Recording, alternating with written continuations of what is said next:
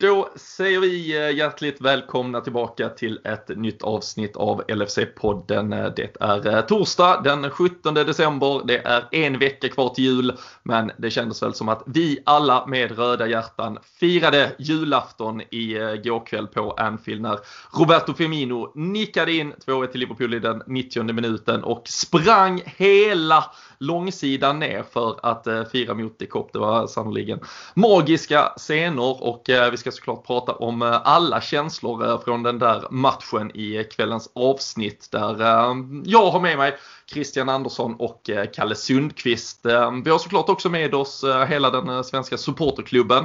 Känns ju jäkligt skönt att vara en del av ett så vackert sällskap en dag som denna men eh, egentligen varje dag året om och eh, har ni inte löst eh, ett medlemskap där än så är det ju verkligen hög tid. Det är ju också en perfekt julklapp till någon Liverpool-supporter där ute som ni tycker om och som av någon anledning inte har hittat in i den värmen än. Ehm, vill man inte ut och springa i butiker, man kanske också känner att det börjar bli lite tajt med tid, då är det ju klockrent att klicka hem ett medlemskap och bara lämna över ett litet gåvobud bevis helt enkelt på att man har eh, välkomnat in den här eh, stackars själen in i värmen. Så eh, ett superbra och smittsäkert eh, julklappstips eh, får man ju verkligen säga. Vi eh, har ju också, det börjar dock bli tajt med tid där, då ska man nog ligga på knapparna nu men eh, annars kanske man kan nöja sig med att få leveransen efter jul. Eh, vi har ju fortfarande vårt erbjudande från nakata.se med 15% rabatt på deras LFC-sortiment. Det är ju en jävligt snygg Anfield tavla, poster, eh, en eh, snygg klopp-tisha och eh, så har de ju fått in en ny då, perfekt nu för vintern, den här sweatshirten med Robbie Fowler och hans klassiska målfirande. Beställer man här på fredag förmiddagen så tror jag nog man hinner få eh, fram det. Eh, men annars kan det vara en perfekt eh, present till sig själv kanske få sådär framåt mellandagarna när man ändå bara ska ligga och kolla fotboll. Så supporterklubben och Nakata, de är med oss. Ni är med oss. Nu kör vi igång ett nytt avsnitt av LFC-podden.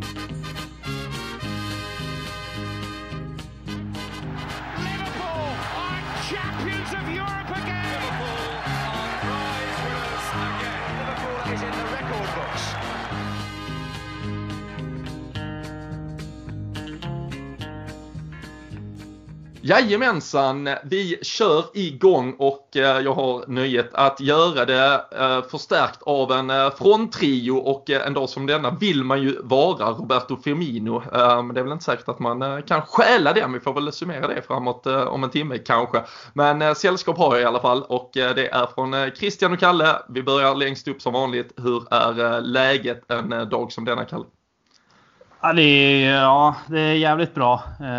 Det jag måste säga första gången igår man verkligen kände en, eh, en riktig darr inför match. Det riktiga första så här stormöteskänslan. Så att det, det var, jag ska inte säga att det var med riktig studs i dojan man klev upp i morse, men eh, nog fan var det lite vanligare än en eller lite lättare än en vanlig decembermorgon. Eh, så att ja, vi firade jul redan igår precis som du nämnde här i introt. Ja, det var, det var midsommar på eh, Pontiac Silverdome. Det var nästan eh, julafton på, eh, på Anfield helt enkelt. Men Krille, håller du med i den eh, beskrivningen från Kalle där med att det här var första gången man både satt och taggade till, svettades under matchen, nervositet på riktigt och glädje när det väl blåstes av till slut? Ja, det skrev jag under på, eh, absolut. Jag kände väl det hela dagen också. Eh, redan när man steg upp och gick på promenad och sen under jobbtiden också där under dagen som gick att man fick nerver och man kände att det ska bli jäkligt kul och man hoppades på en bra match och att det liksom då skulle resultera i tre poäng såklart. Men nerverna fanns där, känslorna fanns där och eh, precis som Kalle sa, så var det liksom den här Mer nervositet och kanske också den här känslan av att det gällde mycket mer än vad vi kanske känt på väldigt länge. Så en, en, härlig, en härlig dag att ladda upp och en härlig dag idag att vakna upp. Mm, ja, alltså verkligen. Alltså, jag måste det var, det var verkligen, alltså, det var ju såklart att det var liksom, just att man, att man har den här typen av seriefinal. Visst, vi har ju spelat några jävligt tuffa och viktiga matcher mot uh, Manchester City uh, de senaste, den senaste tiden. Uh, men, men det har ofta varit kanske att man har kunnat få ett lite, vi har varit i läge några gånger de senaste åren när vi vinner, vi får vi ett rätt stort för, alltså det har ändå det, det här just går in på exakt samma poäng mot Tottenham där det känns som att de har kanske fått med, jag vet inte om jag är, man är part i målet, men det känns som de har fått med sig lite poäng som de inte alltid har varit förtjänta av. Det känns som att vi har haft det lite knackigt. Det känns som att vi inte har lossnat. Det är ju jävligt många lag som är nära oss egentligen i tabellen fast att det känns som att vi har en mycket högre högsta nivå än så många andra lag och det känns som att det här är så jävla viktigt nu att vi visar att vi tar det här kommandot, att vi tar de här tre poängen och visar att det liksom är vi som, eh, som ska var förande i, i den här tabellen och sen nu då dessutom, liksom, det är ju som en jävla fin bonus så får vi dessutom ett ganska stort gap ner till just Manchester City som man kanske över 38 omgångar ändå ser som det, som det största hotet. Sen, alltså igår var det var nog första gången sen, alltså sen egentligen, alltså de få matcher som han spelas innan liksom corona-avbrottet i mars som man verkligen satt och svettades och, var, och egentligen ligamatcherna där betydde ju inget heller. Det var ju typ Atletico-returen som liksom gav en ja, men det här engagemanget och ens kommer i närheten tycker jag på, på hela 2020 och eh, just det här att ha den, den lilla klick fans tillbaka som ändå var där. Uh, Firminos eh, målfirande till trots för att det bara är 1500 på Decop kommer ju bli om saker och ting går som vi vill den här säsongen eh, så kommer det vara en, det kommer vara en klassiker liksom, liksom. Och man, eh, nej fy fan. Det var, eh, det var en speciell kväll och eh, vi ska såklart återkomma till den i, i stora stycken i, i dagens avsnitt. Men eh, vi kan konstatera att samtidigt som vi sitter och spelar in det här Ehm, så har Fifa sin The Best-gala. Ehm, Ballon d'Or kommer ju inte delas ut. Ehm, de eh, fick väl för sig att eh, det här inte kan räknas som en riktig fotbollssäsong även om alla matcher och nästan mer till känns det som har spelats och Fifas The Best-pris kanske då vinner lite mark och där kan vi konstatera Kalle att eh, Jürgen Klopp han nyper priset återigen då andra på rad årets tränare trots att han inte var en Champions League denna gången gjorde faktiskt Hansi Flick, hans landsman. Men eh, Klopps karisma eller bara hans bittra attityd fick kanske honom att eh, vinna ändå. Ja, alltså det mm, är mycket, många av de här eh, liksom Europa-baserade priserna egentligen. Det känns ju som att mycket hänger på Champions League, att man gör en bra säsong där i kombination givetvis med ett bra ligaresultat. Eh, jag tror att det kan ha fått lite eh, att det kan ha fått steppa lite till sidan kanske efter allt som har varit den här säsongen. Och att, att Liverpool tar sin första ligatitel på 30 år samtidigt som att det är ingen, ingen katastrofsäsong i Champions League heller. Så tror jag att eh, nu, nu var det kanske jämnt skägg med några andra tränare, men det känns ju inte som att han snor det liksom eh, oförtjänt framför någon annan, tycker jag i alla fall. Eh, så att eh, återigen ytterligare ett kvitto på det alla redan vet, tänkte jag säga, att han är en fantastisk fotbollstränare och ja, det, det slås ju varje gång egentligen av den karisma om man jämför med med de två som stod på sidlinjen igår, vilken skillnad det är i inställning till livet och allt i övrigt så är det ju Det är betydligt mycket lättare att tycka om den ena än den andra om man säger så. Mm, ja, vi, är, vi är ju inte, vi är såklart inte helt objektiva i målet eh, kanske, men eh, vad tror du Krille? Har det trillat in sms från eh, Chris Wilder och José Mourinho och gratulerat Klopp ikväll? Man kan ju hoppas att det ändå finns den gentlemannarelationen. Eh, men eh, Wilder vet jag inte, han kanske har tröttnat. Eh, Klopp bryr sig nog inte heller. Men för att eh, snacka om priset så är det ju välförtjänt och som Kalle säger med, liksom, eh, det brukar baseras kanske ofta på vad som sker i Europa men ser man till säsongen som Liverpool gör i Premier League, man tar sin första ligatitel på 30 år, man gör det även under säsong som kantas av en pandemi där man inte riktigt vet vad som kommer ske eh, och allt det tuffa runt omkring det och att spela inför tomma läktare och att det är en omställning för spelare, ledare och världen i sig och oss fans så det är klart att det är en bedrift och man tar många poäng och man gör det på ett fantastiskt sätt och ett fantastiskt lag. Så att det finns inte så mycket att säga egentligen utan han är ju väl värd det priset Klopp. Mm. Ja, nej så, så är det ju såklart. Jag tycker det, jag tycker det är jävligt svårt med de här priserna alltid. Jag tyckte Klopp också sa det ganska bra på, eh, det var väl för förra presskonferensen i och för sig, då blev man ju själv överraskad. Då var det ju något, något mindre, alltså det här är trots allt Fifa, det är klart att det kanske är det som då när nu Ballon d'Or och, och de, eh, de priserna inte eh, delas ut denna säsongen är det väl kanske då de individuella utmärkelser som väger tyngst. Men då vet jag han fick eh, frågan, då var det ju någon sån här ESPN-lista liksom som hade rankat världens bästa tränare, världens bästa spelare och då hade de utsett honom till ett och då sa han ju det såklart alltså väldigt liksom, ja, politiskt korrekt men, men jag tror också att han menar jävligt mycket i det. Att så länge det är liksom bara ett affischnamn och, och jag själv som eh, lyfts fram och, och någonting då, då känner jag väl kanske att det tyvärr inte heller är från folk som som har full koll på egentligen vad det är som sker. Liksom. För det, det här är liksom ett team, hade det varit att uh, tränarstaben på åtta personer kanske med uh, assisterande fysios och, och allt möjligt hade hade belönats för liksom ett arbete som har varit eh, ja, men, extravagant liksom under året och man har kanske fått fram talanger och man har utvecklat eh, några idéer och liksom nästan varit med och förändrat fotbollen. Då, då hade det ju varit eh, på ett annat sätt jävligt intressant att prata om det. Nu, nu blir det ju, alltså hans pris är ju vad laget presterar för det vet han. Det bygger inte bara på han själv, det bygger på alla andra. Så, så det är ju ganska eh, oväsentligt. Och jag, ah, alltså ja, det, det, blir ingen segerskumpa för min del heller ikväll på grund av ett, ett pris här. Liksom ett, eh, ett sent avgörande mot Crystal Palace på lördag så, så hade Hansi Flick kunnat få, få vinna det här priset och så bytte bytt. Liksom. Det, det, känns som att det finns jävligt mycket viktigare saker. Men eh, det är såklart kul och det retar ju alltid någon jävel eh, så att säga. Så eh, av den eh, anledningen så, så, är det ju alltid skoj och eh, kan väl gratulera än så länge då Manuel Neuer. Eh, lite mer överraskande i och för sig tycker jag eh, till eh, årets bästa målvakt. Eh, men såklart viktig i den Champions League-resan och Alisson Becker har ju haft lite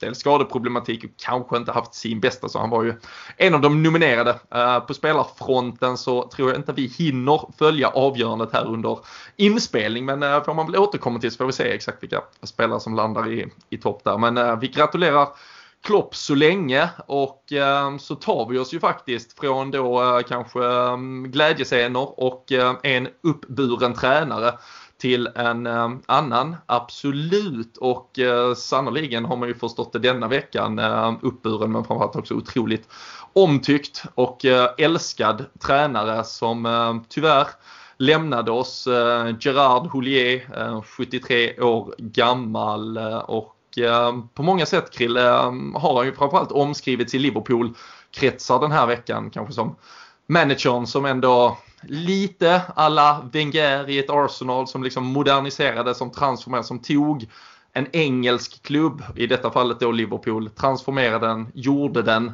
till den professionella inrättning. Eh, Klopp pratar mycket om hur han hade säkert älskat att se liksom Kirkby idag. Han var på många sätt involverad i att förändra Melwood. Eh, förutsättningar, det runt omkring som, eh, som såklart idag är en så otroligt naturlig del av fotbollen.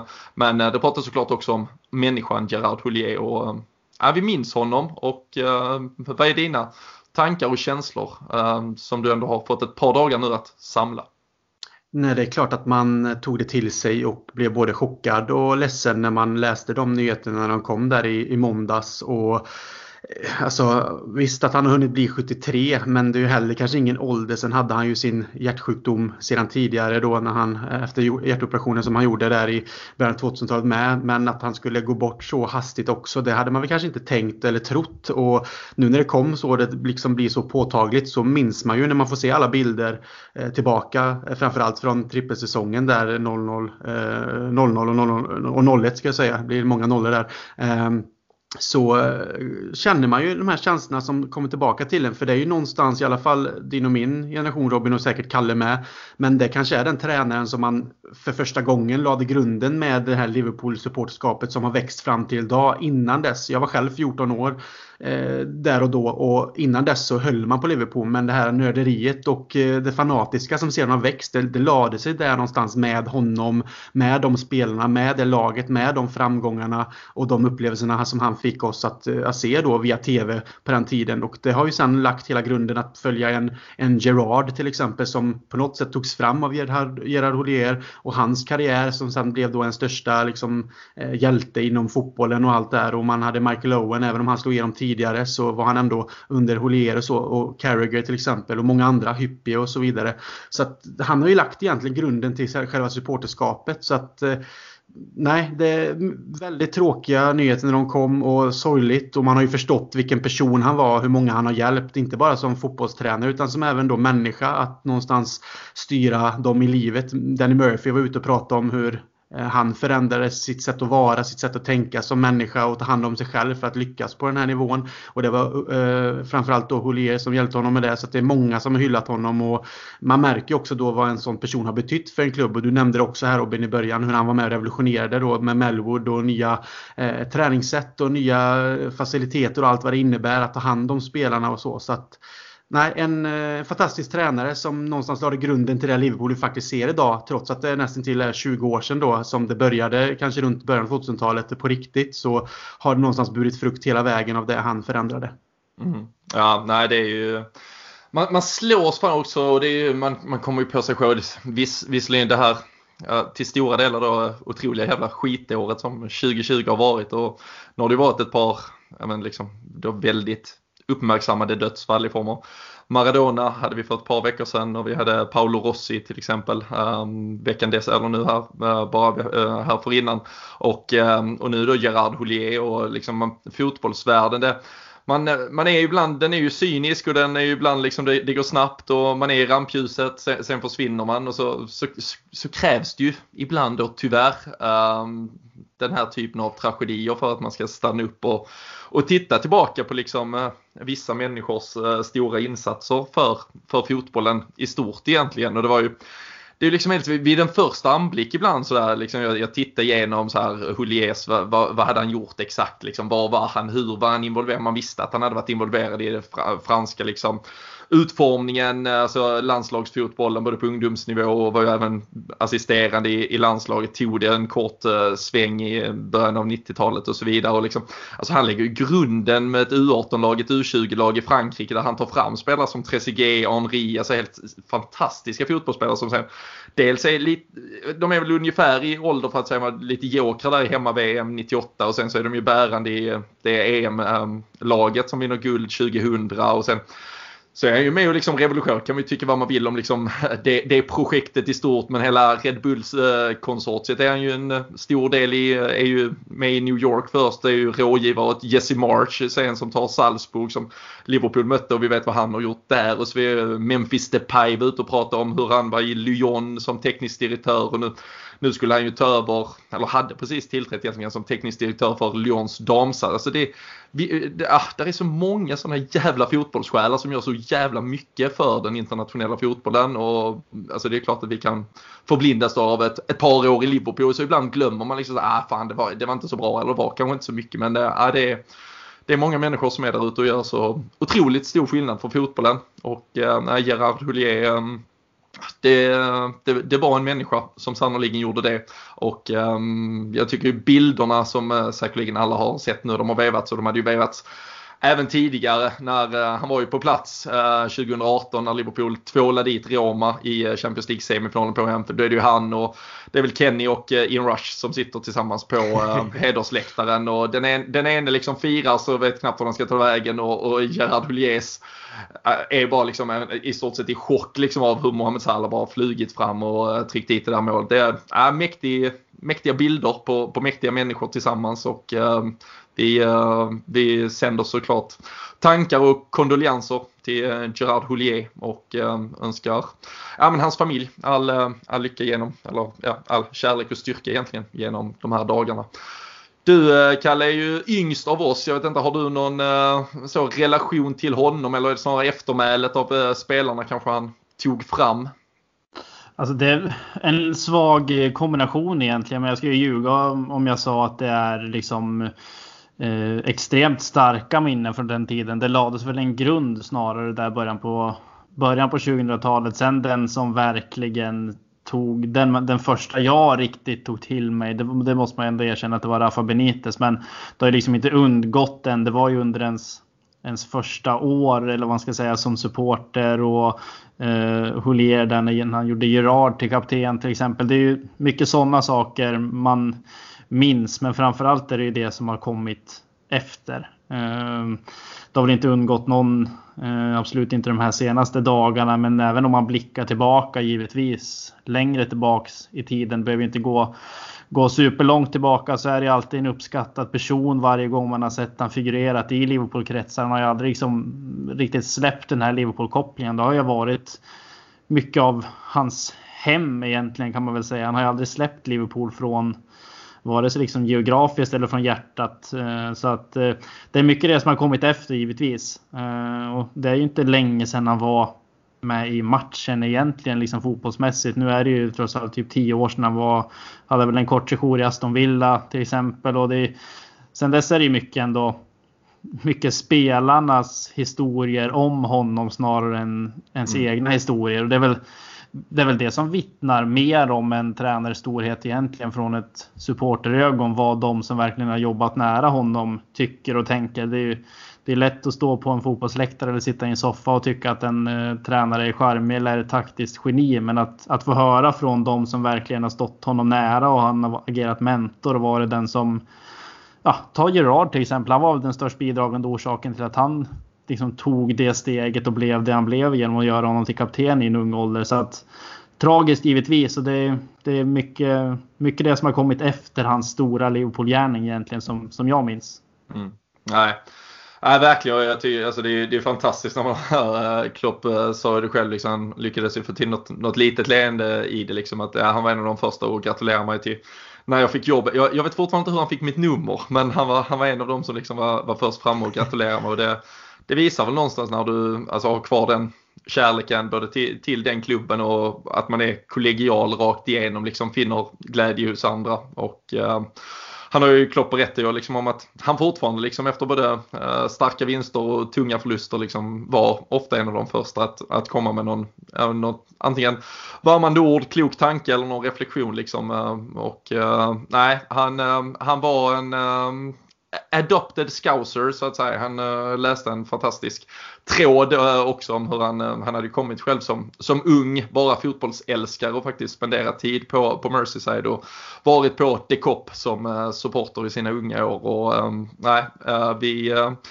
vi minns Gerard Houllier. vi tar, oss, ja, tar hans legacy med oss och ehm, ja, men det här året får ju gärna ha eh, nu i alla fall förmedlat eh, sitt sista så här tunga eh, besked och så hoppas vi väl på ett, ett mycket bättre, ljusare 2021 och för Liverpools del så kan vi väl Kanske då hoppas Krille att den där ljusningen tog fart. Det tändes den där lampan som vi behöver för att leda oss framåt rent idrottsmässigt, sportsligt eh, genom segern mot eh, Tottenham igår. Det var ett eh, till 10 elftedelar oförändrat lag som inte imponerade mot Fulham får vi konstatera.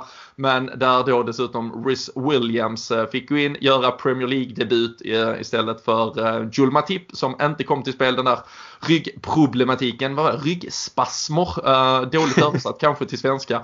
Men ja, han testade sent. Jag, jag såg en hel del startelvor som florerade där. Där var han med och det är bland folk som ofta brukar, tyvärr egentligen, för det betyder att laget läcker lite men de brukar ha koll.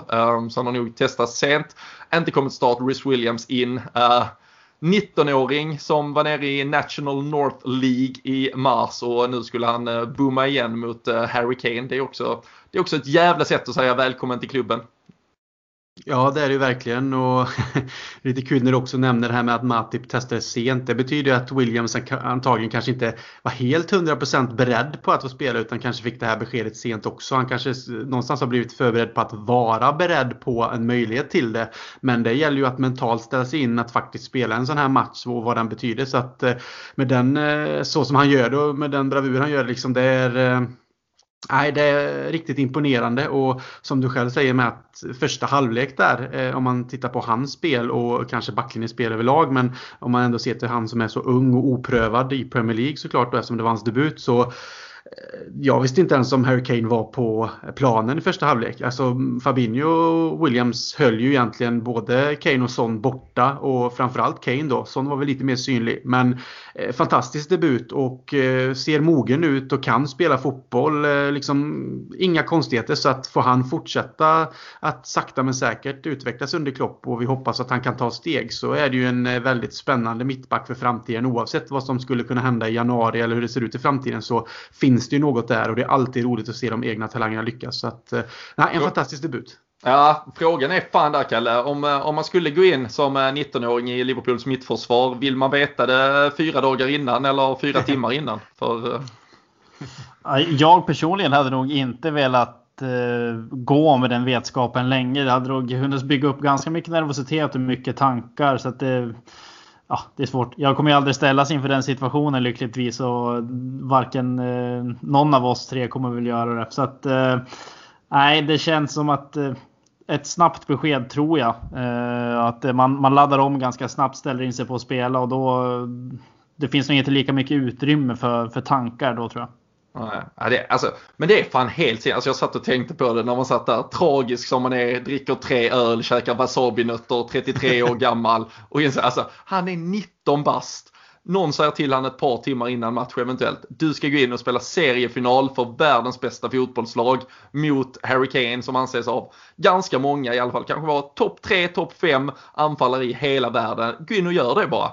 Och du har dessutom så här 25 miljoner människor, säkert mer, jag har ingen jävla aning, uppfattning, eh, som sitter och tittar på detta. Och eh, de kommer bedöma dig så in i helvete efter detta. De kanske slaktar din karriär. Alltså det, egentligen är det ju, alltså jag förstår att vi har ju bestämt någonstans att fotbollsspelare är övermänskliga, de tjänar si och så mycket pengar så de förväntas kunna göra allting. Men det är fan helt sin, alltså att man inte bara fullständigt chokar. Och Alltså det är väl såklart det man har tränat för då i 13, 14, 15 år som 19-åring och på lagom hög och bra nivå. Men är det inte egentligen rätt jävla sjukt hur imponerande det är? Jo, alltså, det är... Ja, förlåt. Kör Kalle. Alltså, alltså jag tänkte säga.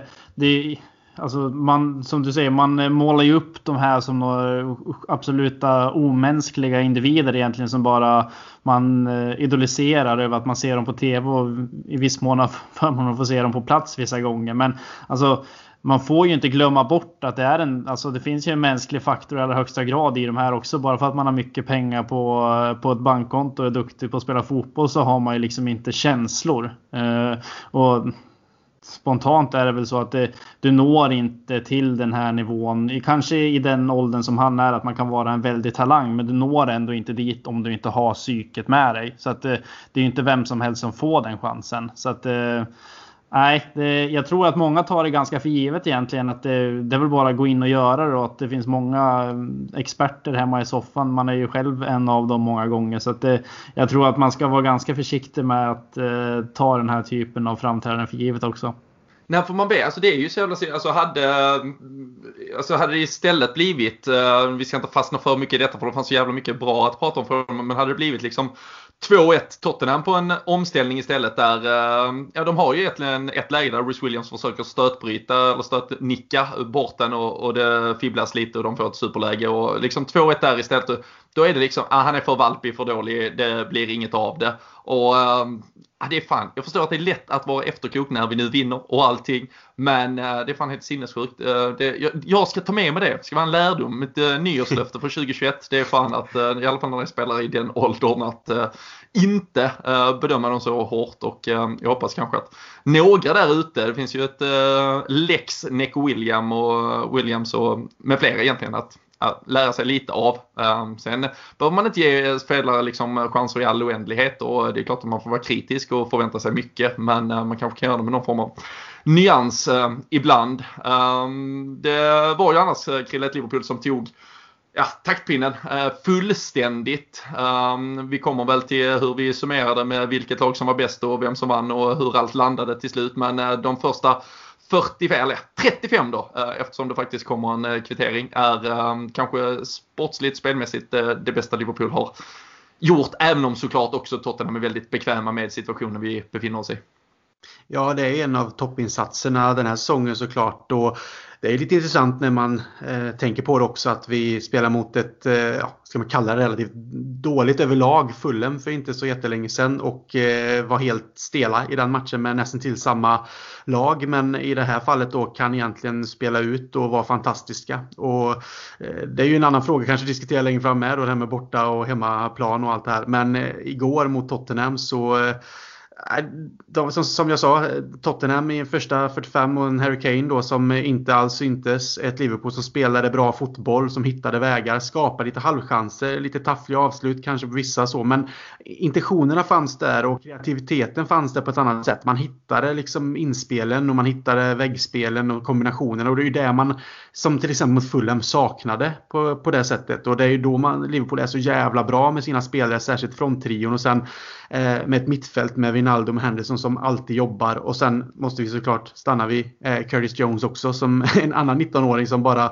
går från klarhet till klarhet. Som liksom dominerar på ett mittfält bland stjärnor egentligen. Eh, och gör det och det ser ut som att han har spelat för Liverpool i flera, flera år. Med ett lugn och en mogenhet och teknisk och finurlig och liksom självförtroende och allt på det. Så Nej, det var en fantastisk halvlek faktiskt. Och det är någonstans där man kanske ska bära med sig nog framåt också. Liksom det spelet och den, det sättet att föra en match är väl vad vi vill se framåt. Förhoppningsvis att det håller i sig då.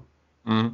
Ja, vi kan ju konstatera att uh, Curtis Jones som du nämnde där, han hade 81 passningar på offensiv planhalva. Tottenham, hela laget, hade 57. Uh, eh, säger väl en del och uh, nu, nu känner jag ju Max Persson här som har ställt en fråga och jag vet ju att han såklart gör det med en viss glimt i ögat men uh, inte för inte att man uh, börjar tänka lite kring det.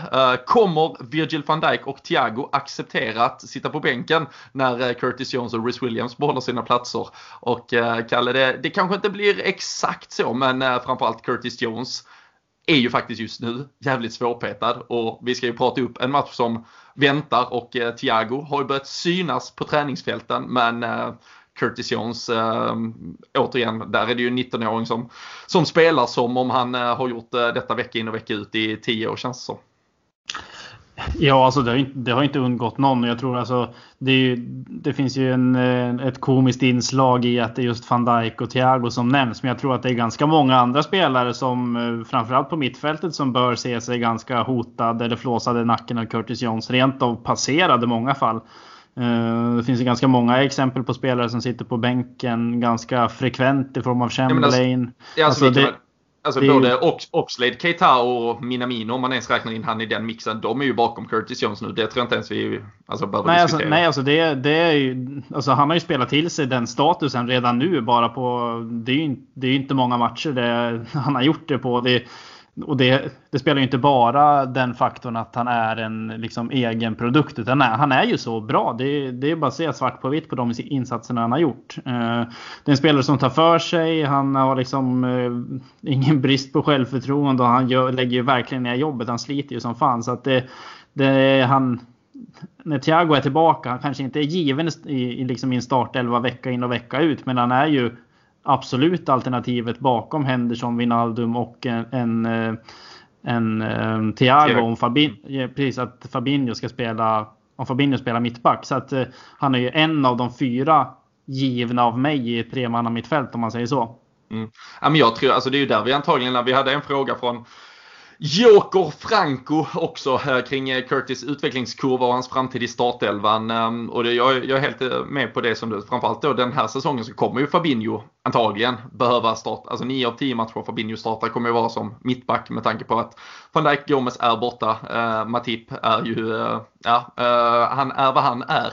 Uh, och uh, i, med tanke på då situationen som är på mittfältet nu så, så är det väl egentligen bara att alltså, göra Fabinho till säsongens van Dijk, uh, den som styr och ställer. Han är ju helt sinnessjukt bra också. Um, får inte glömma heller att hylla hur fantastiskt jävla naturligt det har sett ut för honom att bli mittback istället och Eh, har väl faktiskt varit en av liksom hela ligans bästa mittbackar den här säsongen även om han inte då är det eh, rent naturligt. Och eh, jag tror precis som Fabinho ner som mittback och så kommer det vara de fyra du nämner som, som rullar på startplatserna och sen då även som då det, det första inhoppet. Det, jag vet det säger ju någonting, alltså sen såklart eh, hans fysiska status är väl kanske absolut inte på, på toppnivå men alltså Oxlade har eh, suttit nu på bänken de två senaste matcherna. Det har inte ens varit, alltså man har ju knappt sett att han har värmt upp liksom. Det har inte ens varit aktuellt att, eh, att slänga in honom. Uh, sen, och framförallt alltså när det inte ens behövdes mot, eller när man inte ser att han kan behövas mot Fulham där sen, då, då känns det ju rätt så hopplöst. Och nu får vi väl, se, det är, det är ju match snart igen. Det är ju en sån där eh, onsdag sen kväll och sen eh, lördag tidigt. Så vi får väl se om det ska roteras någonting till helgen. Eh, det återkommer vi ju också till kring, kring våra tankar. Men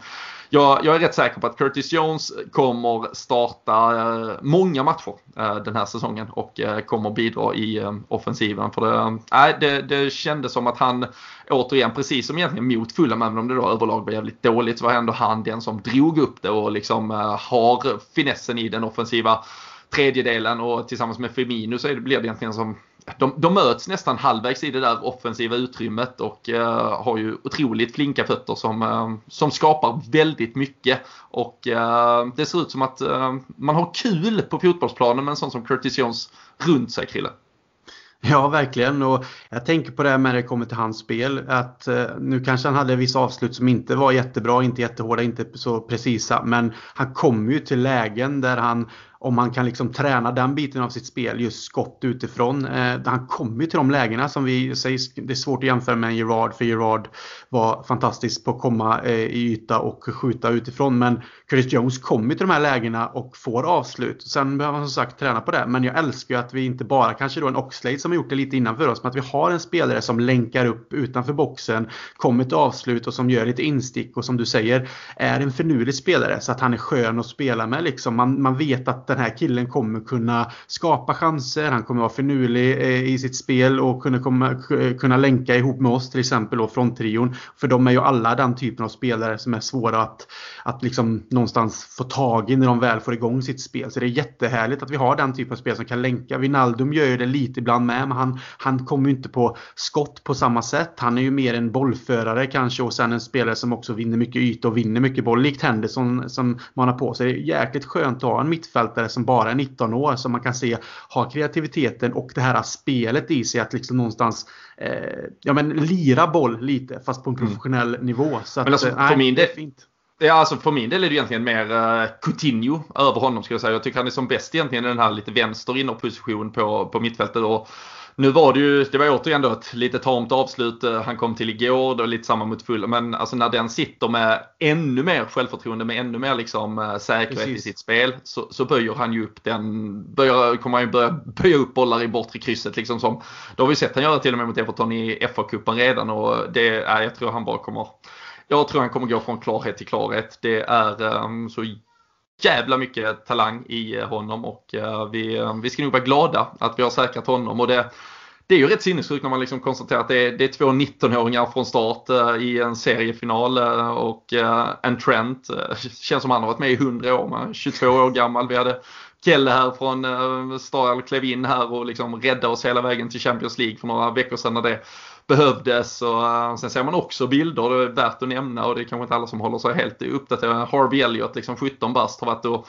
eh, i stort sett liksom eh, kört, uh, går som tåget i The Championship redan med, jag tror fyra mål och fem assist eller så är det fem mål och fyra assist uh, på, på 15 matcher där för, för Blackburn. Liksom. Det, att man i det här läget, alltså att, att ha den styrkan vi har och samtidigt nästan vara inne i någon form av generationsväg. Jag vet, inte, det känns nästan unikt. Det brukar vara liksom en topp och sen börjar man om på något sätt. Men att, att slussa in unga spelare, hur viktigt tror du det kommer vara för att behålla uh, den liksom uh, prime som vi gärna ser blir jävligt lång och att det inte blir det här cykliska där man kanske får börja om om ett år eller två när alla uh, ska sluta på topp. Alltså, jag tror inte man ska underskatta det faktum att man, alltså i Liverpool är ju på en absolut topp nu som vi absolut inte har varit någon gång tidigare egentligen i absolut inte i modern tid. Det får gå ganska långt tillbaka för att för att eh, liksom nå ett lag som är på den nivån vi är i, på en bredare scen liksom än bara den engelska. Så att jag tror inte man ska underskatta att väva in ung talang i kombination med att de får göra det tillsammans med etablerade världsspelare och på så sätt kunna fasa ut vissa spelare som sitter på utgående kontrakt och ersätta med en ung egen produkt när den spelaren rent av kanske är etablerad. Eh, så att man inte Alltså ett väldigt tydligt exempel nu är ju Wijnaldum till exempel. Skulle det inte bli förlängt med honom då har man ju mer eller mindre redan ersatt honom med Curtis Jones på något sätt. Så att det, jag tror inte att man ska underskatta det faktum att det inte sker en liksom en hel truppbredd i generationsväxling på ett bräde. För det, det är då man alltså, riskerar att hamna i det läget Liverpool en gång har gjort. Att man, man ramlar ganska långt ner i näringskedjan. Det finns ju många andra engelska lag som, som har stött på det ganska närtid. Så att det ska man nog inte underskatta. Men jag vet inte, vad tycker du Robin? För det känns som det är ju ett väldigt uppenbart exempel att jämföra Curtis Jones med en Gerard till exempel. Det är väldigt orättvist att göra det mot en 19-åring, men det är ändå den här att det finns ju en väldigt tydlig koppling. 19 år, gör ungefär debut i A-laget samtidigt som Gerard börjar egentligen med att vinna stora titlar på en gång och har varit bärande spelare i ungdomslagen tillsammans med mm. Trent. Lika där, alltså lagkapten. Vad tror du det betyder egentligen att man kommer som en, en ledarfigur redan från ungdomslag in i seniorlandslaget eller in i seniorlaget? Alltså det, det är klart att det säkerligen bygger en, en ytterligare Alltså han är ju van vid att vara liksom uh, the go-to guy. Uh, både kanske rent, uh, alltså ur, då, som du pratade en ledarsk, ja, ledarskapssynpunkt men också liksom på planen.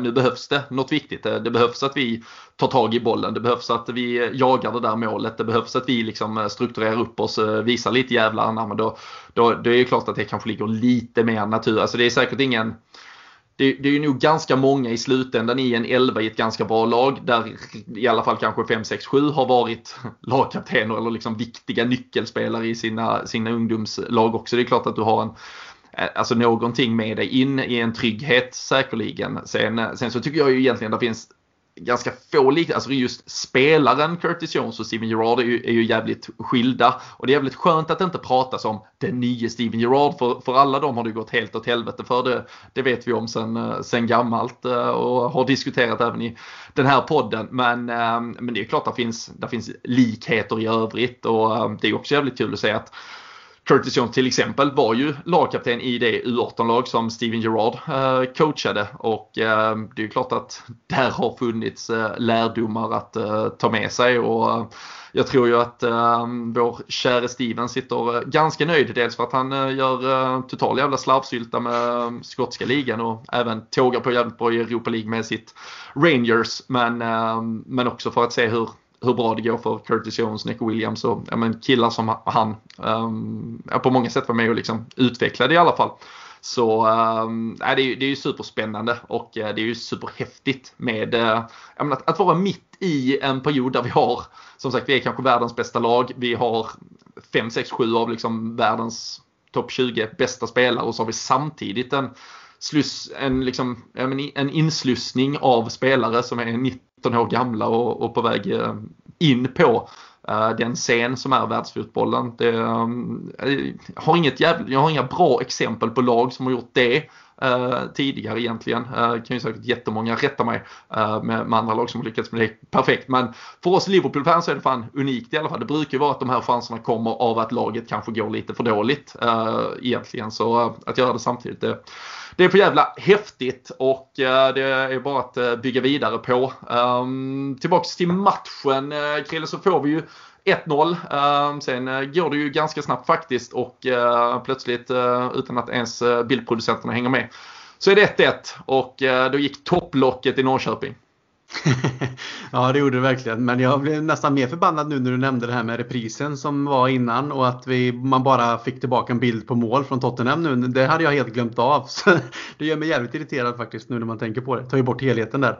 Eh, nej, men det är ju återigen VAR och vi ska väl inte fastna i det för vi gör ju alltid det. Men alltså, vi diskuterade lite igår med Robin på Twitter och så vidare och vi förstår ju varandra säkert utan problem. Men jag återkommer ju till det här att absolut, jag vill ju att millimeterna som det är här ska släppas eh, och det ska vara mål som igår. Men min irritation är ju att vi har haft två sådana mot oss där man har granskat det i evigheter och sen hittar man ändå en offside.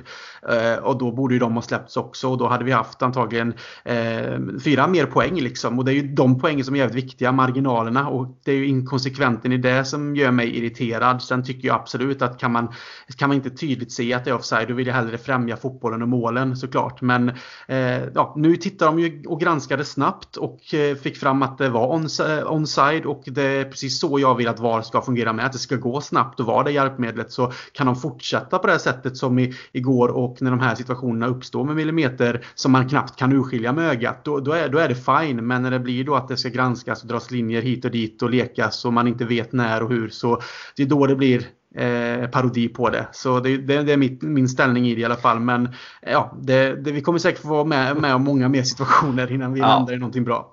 Det, det, är det enda vi är helt säkra på. Det är att det kommer att vara aktuellt att diskutera igen framöver. Det vi, ja. det, vi, det vi kan konstatera om man bara vill jävligt snabbt summera vad det, vad det är som sker. Och för jag håller ju med dig i, jag håller med dig, alltså, så här, jag tycker inte det är inkonsekvent för jag tycker rätt blir rätt även om det är sättet att komma dit på så, som blir så jävla fel. För det känns som att här var det liksom bara, ah det var en repris, ah onside säger vi och så kör vi. Uh, det, var så, det kändes som att det såldes in medan det liksom uh, satt och letades på Manés uh, rumpa typ i liksom en, en kvart för att hitta att det var någon millimeter på byxan uh, typ som var offside mot, uh, mot Everton till exempel. Och där, där blir det ju det känns ju fel. Sen det som är skillnaden då eh, och det, det, krävs ju, och det är ju helt sjukt också att det krävs liksom eh, 30 poäng i någon eh, datorteknik och liksom IFAB-förståelse för att kunna tolka det här jävla vad. Det är ju för att eftersom här är det ju fötterna som är närmst mål. Det kan man utläsa jävligt snabbt tydligen och eh, då krävs ju bara en linje. Men när det är någon kroppsdel som är ovanför marken som inte är liksom i marken. Då krävs den här andra datortekniken där det då ska dras de här jävla duttade linjerna upp och ner och fan vet vad. Så eh, ja, det, det, man kan, det blir ju antagligen rätt men det är ju alltså sättet och allting. Och sen håller jag med dig i sak att ser vi inte det på en vanlig bild fria, spela. Det, alltså titta på det som igår. Ja, det där så fan, det var nog inte offside när vi drar den första linjen. Då, då kör vi, skitbra. Och eh, på samma sätt så borde ju då kanske då Manés eh, mål mot eller det som blir Hendersons mål och sen eh, Salas mot Brighton till exempel eh, också ha Eh, stått sig. Men eh, 1-1 blev det. Eh, man gick in i paus och kände att nu blir vi rånade igen. Så Tottenham-fansen som började skrika om att oh vad härligt det vore om Harry Kane filmade till sig en straff och vi vann på det nu. De tycker att vi är så gnälliga och förjävliga.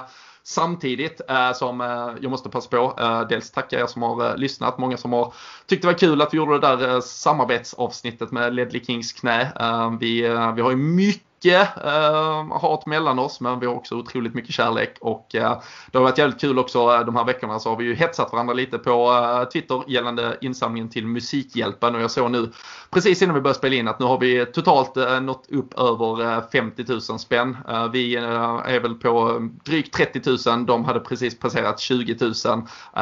vi kommer såklart vinna den matchen och det är ju jävligt skönt det med men den gemensamma gärningen är ju såklart större än fotbollen. Och eh, fortsätt vara med där. Eh, gå in, eh, ni hittar ju det, bara att söka upp Liverpools bössa på Musikhjälpen eller går ni via vår Twitter så hittar ni länken direkt. Eh, är man med och swishar minst eh, 50 spänn fram till julafton så kommer vi dessutom då lotta ut en, eh, ja men något, eh, något kul, en julklapp från Sam Dodds man kan läsa allt om det på, på vår Twitter också. Så, så spränger vi gränser där och eh, fortsätter samla in pengar till, till folk som eh, inte har det lika fett ställt helt enkelt och att vi kan se till att hålla, hålla världen till en eh, lagom bra plats i alla fall. Så länge, så länge det nu går.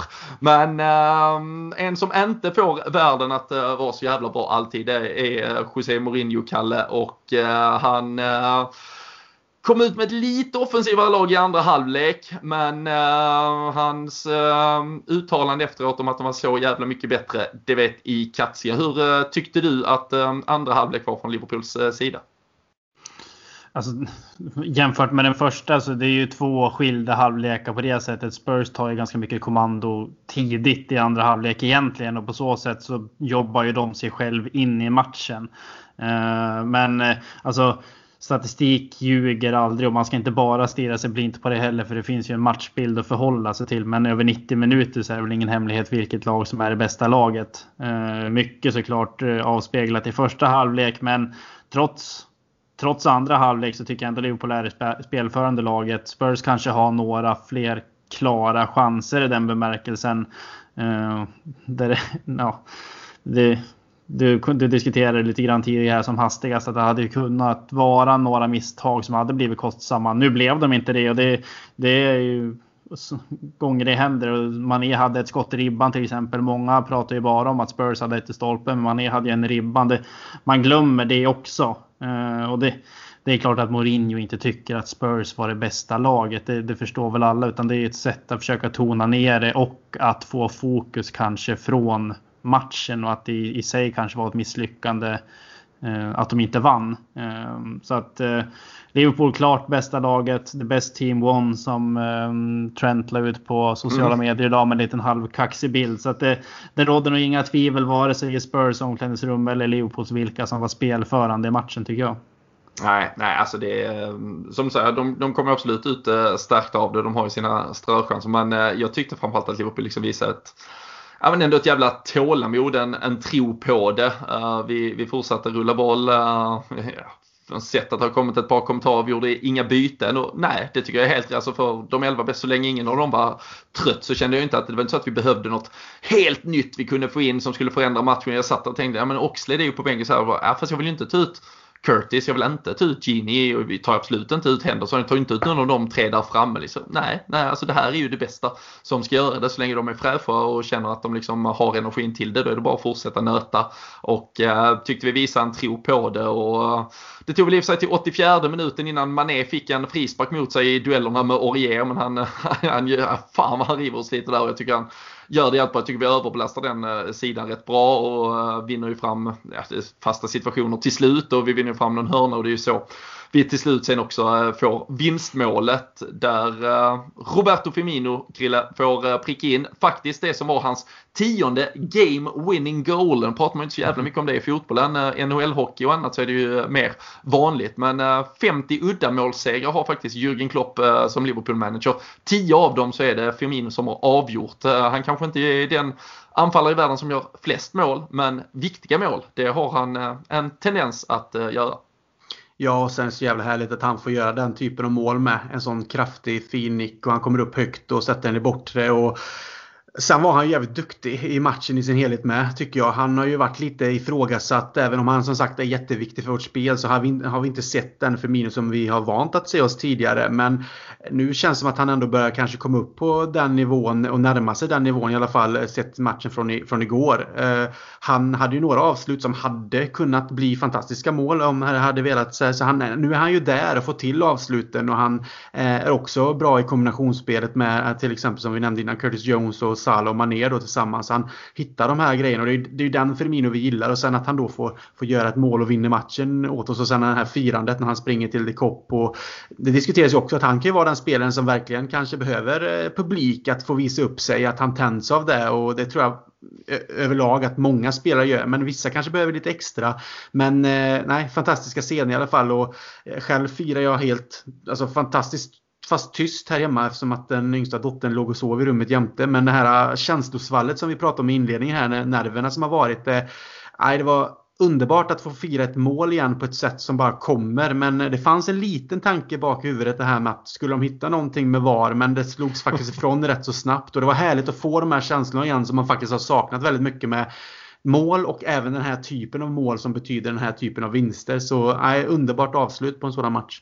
Ja, det är, det är ju två egentligen eh, fantastiska klipp som har eh, cirkulerat på sociala medier idag kring eh, det där vinstmålet. Det, det, är ju dels en Tottenham-supporter som försöker göra någon sån här jävla Sky Sports-analys själv där han då filmar målet och försöker argumentera för varför det ska dömas bort för att typ Henderson nuddar Dyer, Eric Dyer. ja, och så, typ, så faller han ihop och lägger sig. Jag bara liksom, alltså, om, om en mittback som blir nuddad faller ihop sådär så ska du nog liksom mer klaga på din egen mittback än uh, på, på någon motståndare. Men ett, uh, ett snyggt försök. Sen är det också ett fantastiskt uh, inlägg från, jag tror också det är Sky Sport, eller var nu en, Tim, Tim Sherwood, för detta. både spelare och ledare i Tottenham sitter ju liksom så live-kommenterat, alltså i, från studiobild egentligen på när matchens slutminuter då går igång och då, och då sitter han där liksom helt nöjd med att ja, men en, en hörna är ingen fara. Vi, vi har visat att vi har varit starkare än liksom Liverpool på varenda...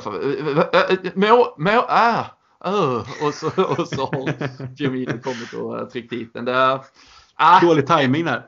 Nej, fy fan. Men, men jag håller med. Alltså det var ju... Det var, det var länge sedan jag kände den här glädje alltså kring alltså, det bara slä, alltså, ah, jag satt ju dyngblöt av svett och nervositet liksom när vi, när vi prickade dit det där målet så nej fy fan vad skönt det var och fy fan vad gött att det var Firmino som gjorde det och Klopp var ju inte sen kall efteråt och, och hylla honom. Det gör han ju alltid. Alltså han kan ju gå mållös i, i hundra veckor så hade han ju hyllat honom. Men, eh, men det är jävligt enkelt att uh, ja, lyfta upp honom lite extra en kväll där han också får avgöra matchen med, med just målet. Ja, det är ingen hemlighet att det är en spelare som är väldigt lätt att tycka om. Det finns ju, jag tror inte det finns någon Liverpool-supporter som har någon form av tvivel på Firminos liksom dels fotbollskunskap men sen så har han ju, han har ju en aura omkring sig som är väldigt lätt att tycka om. Så att det, jag förstår att Klopp eh, alltid hyllar honom men eh, alltså, att han det har varit en lite speciell säsong för honom i viss mån också med tanke på att Jota har kommit in och han har kanske fått en liten konkurrensbild som inte riktigt har funnits i Liverpool tidigare. Han har ju varit obefogat enligt mig kritiserad i vissa fall men det har inte direkt funnits någon riktig konkurrens till honom. Så att att få göra ett avgörande mål i en seriefinal på Anfield, framförallt med publik som ni pratar om också. Det finns väl få spelare som tycker om att visa upp sig så mycket som Roberto Firmino. Så jag tror inte man ska underskatta den, den faktorn att eh, det här målet kommer nog ganska lägligt för honom efter en lite halv en tuffare inledning på säsongen vad han är vad vid kanske rent konkurrensmässigt. Då. Så att, eh, den där typen av firanden har man väl bara sett två gånger på Anfield tidigare och det är väl både det är väl Reina och Allison som har dragit löpningarna från ena sidan till den andra upp till, mm. upp till Le Cop och firat. Så att eh, nej, saker man tycker om är att se Roberto Firmino fira mål för att eh, nej, man gillar den gubben. Ja, vi kanske får se något eh, liknande av dig Kalle om vi kommer till spel och det blir Sam Dodds Cup eh, nästa säsong. Ja, det, ja, men det, ni har ju sett mitt löpsteg eh, någon gång och det, ni, har ju, ni har ju varit förvånade varje gång tänkte jag säga. Så att man kan väl få visa upp den för, för Sam Dodds Cups, eh, ja, kanske inte fullt så breda publikskara men det, det är nog en tiondel kanske av vad som ja, var på Anfield igår. Trogen publikskara vill man kanske kalla det, tänker jag. Ja, det, känns...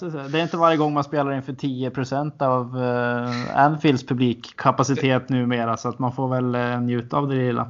Ja, precis. Sen ska det ju sägas att enda gången jag verkligen har sett klipp i uh, ditt löpsteg, det var ju efter att vi hade ja, förlorat ligaguldet där mot, uh, eller mot uh, Wolverhampton. Eller vi vann mot Wolverhampton, men City vann ju och tog guldet.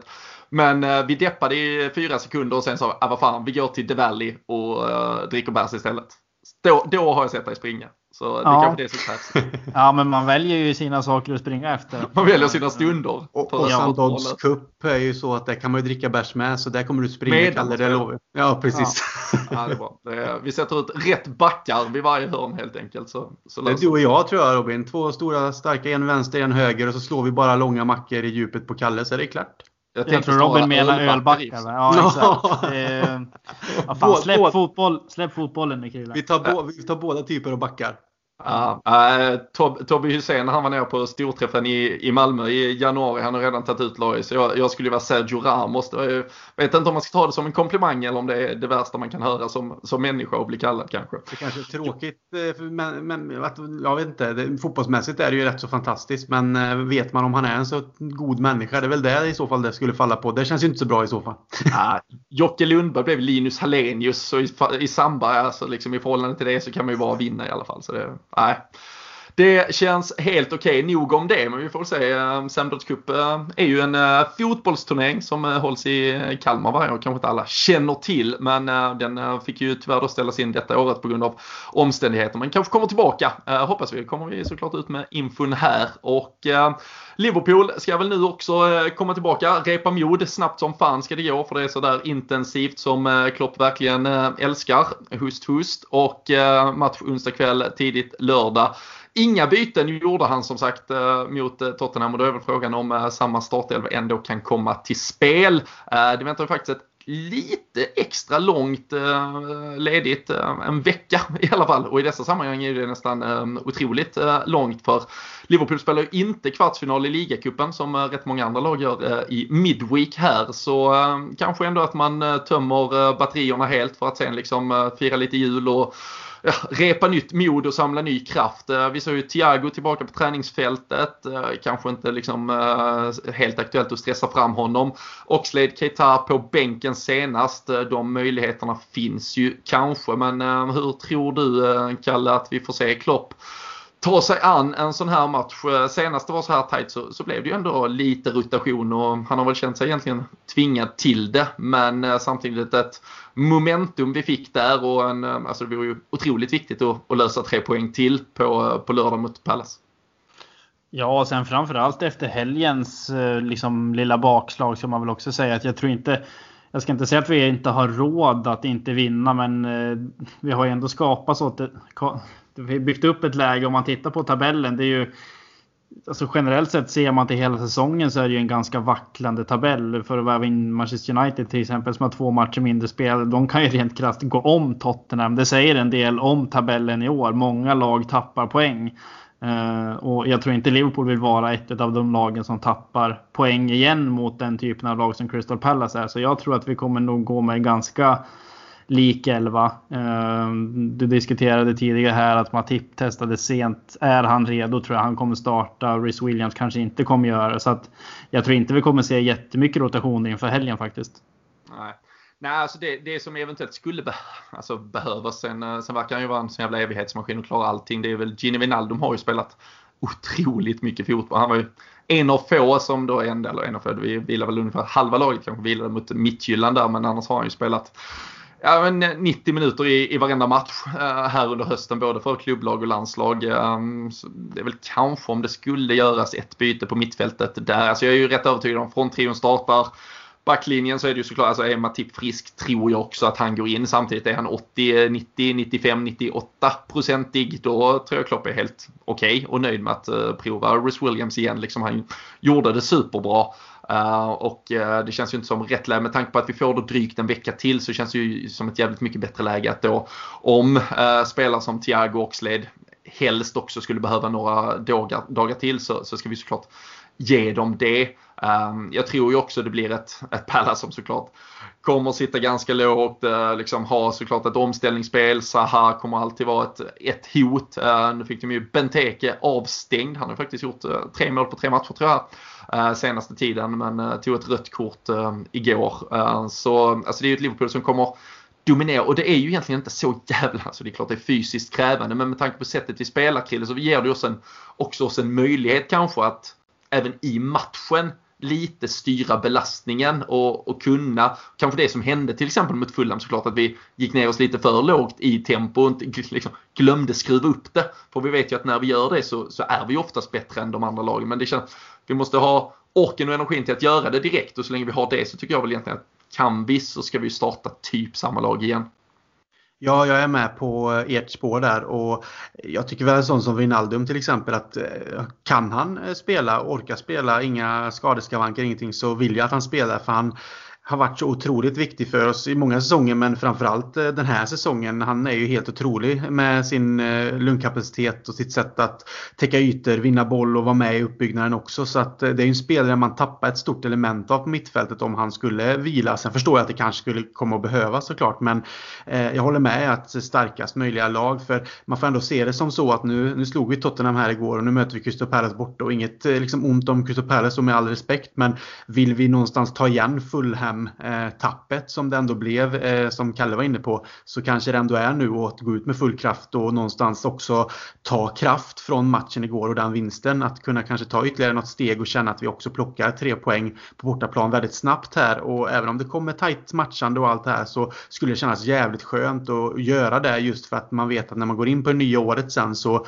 så går det snabbt och vi börjar närma oss sluttampen och det går alltid fortare än vad man, vad man nästan är beredd på. Så att det vore jävligt jävligt skönt att ta de här två på raken och känna att vi tar det stampet och förhoppningsvis tappar andra lag poäng igen och så kan vi kanske dra en liten eh, turlott där och ta några extra poäng som gör att vi, vi liksom klättrar något steg över vissa konkurrenter. Ja, alltså det är ju på pappret är det ju nu. Alltså det, det är Palace borta, sen West Bromwich hemma och Newcastle borta. Alltså det är ju, det ska ju vara eh, nio poäng. En, en vanlig säsong så är det, är det nio poäng också. Sen, sen har vi ju sett eh, plumpar i protokoll och vi, det är ju faktiskt helt sjukt igen. Vi har ju bara vunnit en bortamatch den här säsongen. I ligaspelet är Chelsea borta, sen har vi fyra kryss och eh, en förlust. Och det är klart, Aston Villa var ju en, en, en crazy liksom. Alltså det var ju ett, eh, ett sånt jävla unikum i sig. Och så 1-1 borta mot City är såklart helt okej. Okay. Och derbyt mot Everton brukar ju i regel bli kryss numera även om just detta kändes det som att vi verkligen hade. Det var vår uh, seger. Men det är ju Brighton och Fulham verkligen som har varit bottennapp lite eh, både prestationsmässigt eh, tycker jag väl och sen då vissa, vissa dumslut och annat som, eh, som skrattar oss i ansiktet. Men det krävs ju en, en uppryckning på bortaplan. Vi, vi skryter ju gärna och dunkar oss eh, för bröstet liksom för vår eh, fina, ja, vårt fina hemmafacit. Men på bortaplan krävs det lite bättre och eh, det, det hoppas jag kommer nu till helgen. Och vi hoppas väl att Jimmy Bernhardsson tippar typ 4-0 till Liverpool för då finns det en stor sannolikhet att det sitter. Han tippade nämligen 2-1 till Liverpool igår. Och Firmino, sista målskytt i 87 minuten så han bommar tre minuter där. Det är lite bättre än hur det brukar låta härifrån. Eh, och eh, han vann såklart en tröja från Sam Dodd så vi fortsätter såklart även över jul och nyår. Vi rullar alltid på med de här eh, tipstävlingarna varje matchdag på Twitter så där ska man ju såklart in och följa oss. Så kan det väl vara kanske lite då att vinnarna nu här jul och nyår får väl kanske räkna med att tröjorna trillar in i, i början av det nya året när det lugnar sig lite med andra leveranser. Men vinsterna går ut och jag kallar, vi vet ju egentligen, det är inte lönt att lyssna på någon av oss vad vi tror och tänker. Men eh, det är ju kul för oss att ha något att skratta åt i efterhand. Ja, igår var det första gången jag någonsin har gissat rätt tror jag. Jag tippade också i min egna lilla värld till, till 2-1. Jag vet inte om det hade att göra med att man hade fått i sig två pilsner och man tänkte lite också. annorlunda. Uh, så ja, man, eh, man svävar ju lite på, på tippmolnen nu. Inte lika bra som uh, den eminenta vinnaren i tipptävlingen. Men uh, 3-1 brukar ju vara mitt go-to-resultat så jag får väl lov att säga det igen då. Ja, det, det är ju taget uh, om så blir fallet. Krille, tror du det blir seger? Uh, jag, jag, jag hörde inte vad Karlsson, vad sa du Kalle? 3-1. 3-1. Uh, ja, jag tror det blir seger, men ja, jag säger väl 2-1 då. Ja. Det är Liverpool såklart. Ja, nej, eh, eftersom eh, Kalle svävar på moln eh, efter två tipsöl igår så, så känns det som han är för. Jag tar rygg på Kalle där. 3-1 känns, äh, luktar ju alltid ett Zaha-mål alltså när man möter Pallas. Äh, även om jag har gjort vad jag kan. Jag har satt in han i, eller jag har han i mitt fantasylag så det bör ju betyda att han gör absolut ingenting. Men äh, han finns där som en liten jinx på något sätt i alla fall. Så, så hoppas vi på seger och vi eh, kommer såklart att äh, återkomma med reflektioner från vad vi då hoppas blir en äh, seger på Selhurst Park. Det ska bli trevligt att som vanligt träffa möta Roy Hodgson. Får se, Nathaniel Klein är ju i Palace nu också. Tydligen lite småskadad igår sa Hodgson. Det vet vi. Det var så det brukade låta även när han var i Liverpool. Vi får se om han, de sa att det var en precautionary försiktighetsåtgärd. Så han kanske kommer till spel till helgen. Man är, är Martin Kelly kvar? Ja, han är kvar i truppen. Han skulle ju så något jävla sjukt på Twitter. Han skulle spela någon jävla eh, schackturnering mot någon. Schackmästare Martin Kelly. Alltså det är otroligt. Eh, det är ju eh, höstens grej annars att lira schack också. Ja, Netflix-succén där. Men ja, vi får se. Kelly kanske kommer in och lirar schack på, på mitt, mitt plan medan Curtis Jones snurrar upp övriga grabbar. Och vi hoppas Curtis att Jones har ingen schack-aura i alla fall. Han vet inte, han kan inte stava till schack. Nej. nej, det är, ett, eh, det är inte hans styrka. Men um, fotboll, det kan han jävla i. Det spelar fotboll spela i alla fall. Det räcker för oss så länge. Och uh, nej, ni uh, är såklart med oss. Vi uh, fortsätter köra avsnitt ja, men fram till jul och efter jul och på jul kanske, nyår. Det ska summeras året, vad fan vet det kommer att eh, komma avsnitt eh, när helst eh, det behövs helt enkelt när Liverpool har spelat så eh, dyker vi upp som vanligt och eh, ni får eh, fortsätta ha det så bra, eh, ta hand om varandra och eh, håll avstånd, sköt om er så eh, hörs vi och ses vi snart igen.